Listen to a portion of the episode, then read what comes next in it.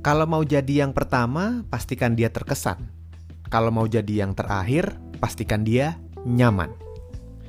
Dalam sebuah hubungan yang membuat kita bisa bertahan lama dalam kebahagiaan itu adalah kenyamanan.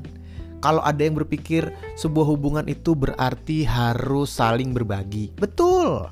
Sebuah hubungan harus saling percaya, bener banget. Sebuah hubungan harus saling penuh dengan memberikan kebaikan kepada satu sama lain.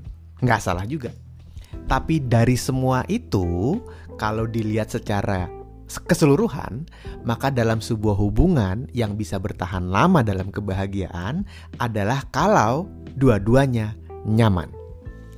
Kalau baru awal-awal untuk membuat orang tertarik, maka pastikan kamu menjadi orang yang mengesankan. Itu yang membuat orang tertarik. Wah, terkesan. Kok dia ganteng banget ya? Dia cantik banget ya, dia pinter banget ya, dia keren banget ya, dia jenius, macem-macem. Itu membuat orang terkesan. Lalu ada ketertarikan di sana, lalu ada kedekatan di sana, akhirnya bersama. Tapi dalam sebuah kebersamaan ini untuk benar-benar bisa menjaga supaya hubungannya berjalan terus dalam kebahagiaan ya, karena ada beberapa orang yang hubungannya bertahan lama tapi sebenarnya nggak bahagia. Kok bisa gitu? Ya saya juga heran sih sebenarnya. Kok bisa gitu ya? Tapi banyak loh yang begitu. Nggak bahagia tapi nggak mau putus. Banyak sedihnya tapi nggak mau pisah. Kenapa ya? Karena kebiasaan biasanya.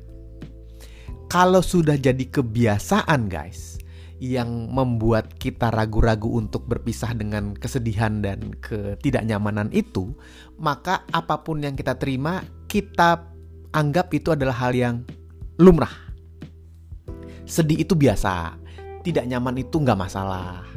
Disakiti itu nanti juga baik lagi. Selalu begitu berpikirnya, sehingga bisa bertahan lama dalam sebuah hubungan yang tidak membahagiakan. Tapi kan mudah-mudahan kita nggak gitu ya, mudah-mudahan kamu nggak gitu ya. Kalau begitu semoga segera berubah. Semoga yang hubungannya tidak baik ini segera menjadi hubungan yang baik, yang tidak nyaman ini segera menjadi hubungan yang nyaman. Yang tidak membahagiakan ini di tahun yang masih baru ini semoga segera menjadi sebuah hubungan yang membahagiakan. Entahlah itu dengan orang yang sama atau dengan orang yang baru, intinya semoga segera mendapatkan kebahagiaan dalam sebuah hubungan untuk kamu dan juga pasangan kamu. Ke depannya bagaimana sama siapa itu kita berikan kembali ke yang terbaik ya. Tapi intinya kalau bicara mengenai hubungan yang membahagiakan dalam kenyamanan itu, maka kita harus tahu betul karakter dan sesuatu yang membuat pasangan kamu itu bahagia sehingga ketika kamu melakukannya kenyamanannya bisa didapat. Ada orang-orang yang fokus bicara soal kebahagiaan adalah tentang dirinya sendiri.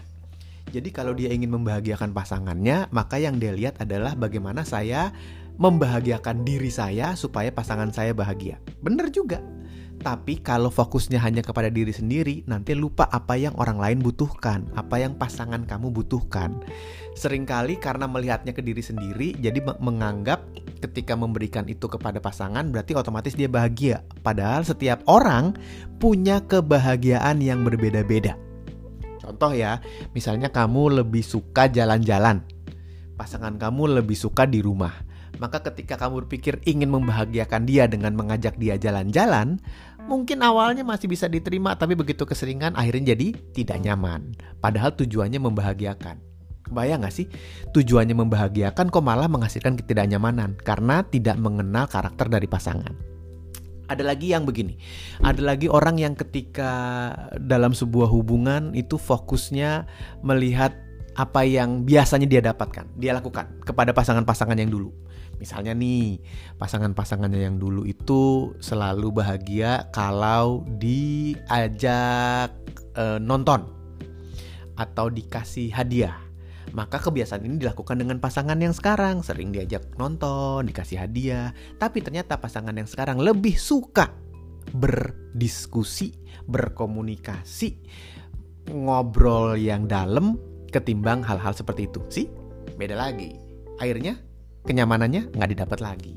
Jadi pastikan kamu mengenal karakter pasangan kamu, tanya asli tanya komunikasikan secara jelas. Kamu tuh paling seneng ngapain sih? Kamu tuh paling bahagia kalau bagaimana sih? Dan ternyata ya misalnya ada ketidakcocokan antara kebahagiaan dia sama kebahagiaan kamu. Misal kamu suka jalan-jalan dia enggak. Cari jalan tengahnya sesekali jalan-jalan tapi biasakan diri kamu untuk menghormati kebahagiaan dia dengan menghabiskan waktu bersamanya di rumah jadi ketemu jalan di tengah. Nah, kalau ketemu jalan di tengah, inilah di mana kenyamanan sebuah hubungan bisa didapatkan. Ada jalan tengahnya, ada keseimbangannya, bukan hanya fokus ke kebahagiaan dia kamu tidak atau sebaliknya, ke kebahagiaan kamu dia tidak. Jalan tengah bisa membuat sebuah hubungan yang penuh dengan kenyamanan. Ini juga sama dengan kantor, organisasi kalau kamu bekerja di sebuah perusahaan, kalau kamu ingin bekerja yang lama, maka kamu harus nyaman di sana dan membuat nyaman orang-orang yang ada di sekitar kamu. Kamu menjadi atasan, ingin mendapatkan support dari tim kamu, maka kamu harus bisa membuat tim kamu merasa nyaman bekerja dengan kamu sehingga mereka memberikan yang terbaik. Hasilnya apa? Hasilnya apa pun yang dikerjakan oleh tim kamu hasilnya bisa maksimal. Ada orang yang suka me menyecer, wah, mengejar, memaksa, mendonder timnya untuk memberikan yang terbaik. Bagus, bagus-bagus saja sih. Kalau timnya bisa melihat bahwa apa yang dipaksakan atau yang diminta itu membuat keberhasilan untuk bersama, bagus-bagus saja.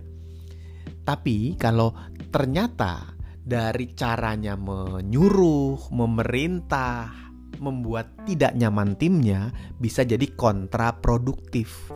Hasilnya timnya malah tidak maksimal dalam bekerja. Ada penolakan, banyakkan mengeluhnya, banyak kecewanya. Maka kamu harus bisa memberikan kenyamanan tapi tetap membuat mereka termotivasi untuk melakukan yang terbaik. Itu sebagai seorang pimpinan, sebagai seorang leader, bukan cuma sekedar bos ya, tapi sebagai seorang pimpinan. Nah, kalau kamu ada pimpinannya, ada timnya, ada teman-teman yang bekerja di samping juga sama. Jadilah pribadi yang ketika diajak bekerja sama, kamu memberikan kenyamanan untuk orang lain. Ya mungkin nggak sepenuhnya nyaman senyaman-nyamannya ya, karena tentunya harus ada um, pergerakan-pergerakan yang mungkin membuat mereka harus mengikuti kamu atau kamu harus mengikuti mereka.